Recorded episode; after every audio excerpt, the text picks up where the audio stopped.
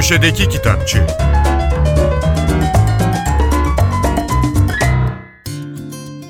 Merhaba, ben Adnan Bostancıoğlu.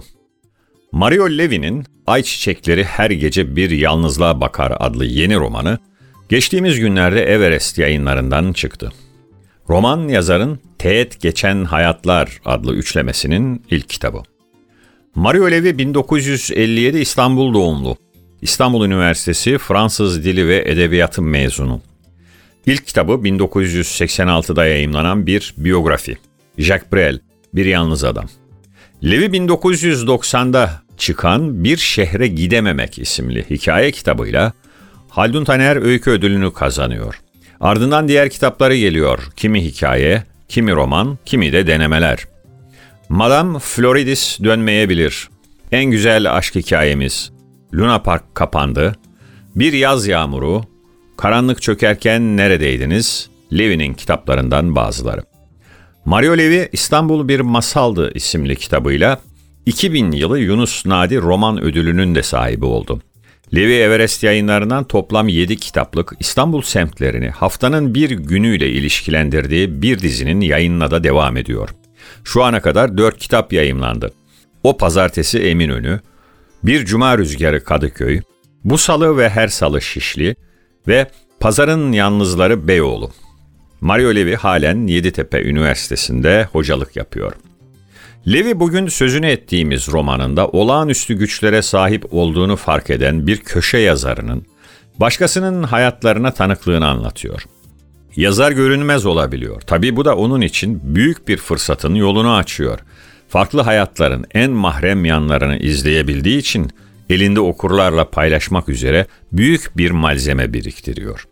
Romanın arka kapak yazısında Mario Levi, ay çiçekleri her gece bir yalnızlığa bakar da, aşk, aidiyet, aile gibi temel taşları özenle yoklayarak yeni çağın ve kentli insanın çıkmazlarına odaklanıyor denilmiş. Tarihçi İsen Bike Toga'nın 2011 yılına kadar yayımlanan Türkçe makalelerinin derlendiği Tarih ve Kurgu isimli kitap, kısa süre önce Türkiye İş Bankası Kültür Yayınlarından çıktı. İsenbike Togan, İstanbul Üniversitesi Edebiyat Fakültesi Tarih Bölümünden 1964 yılında mezun oldu.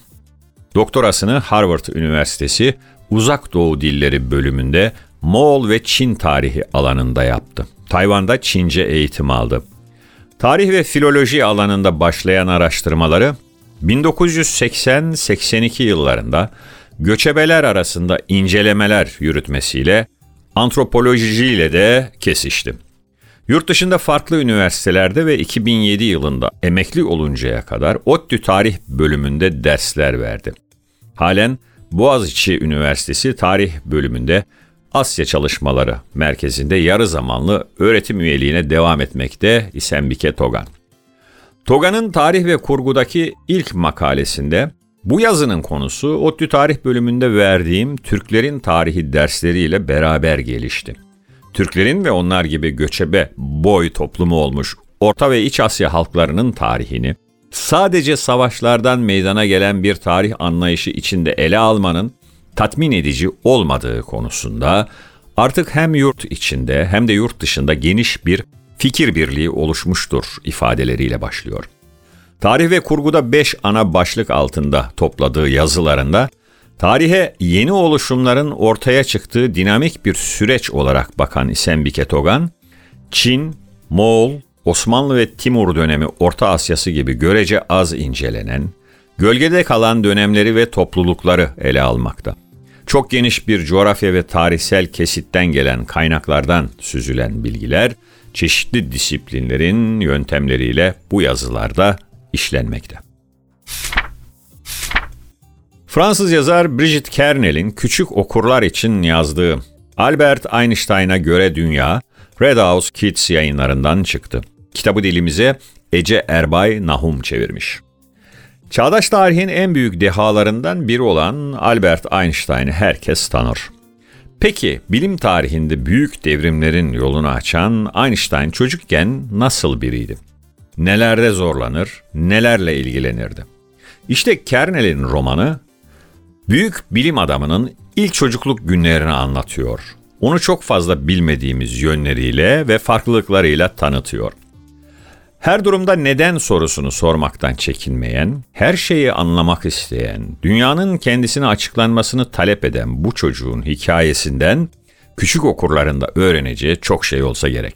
Evet, Einstein'ın da hep dediği gibi herkesin iyi olduğu bir şeyler vardır. Sadece bunun ne olduğunu bulmak gerekir. Herkese iyi okumalar, hoşçakalın. Köşedeki Kitapçı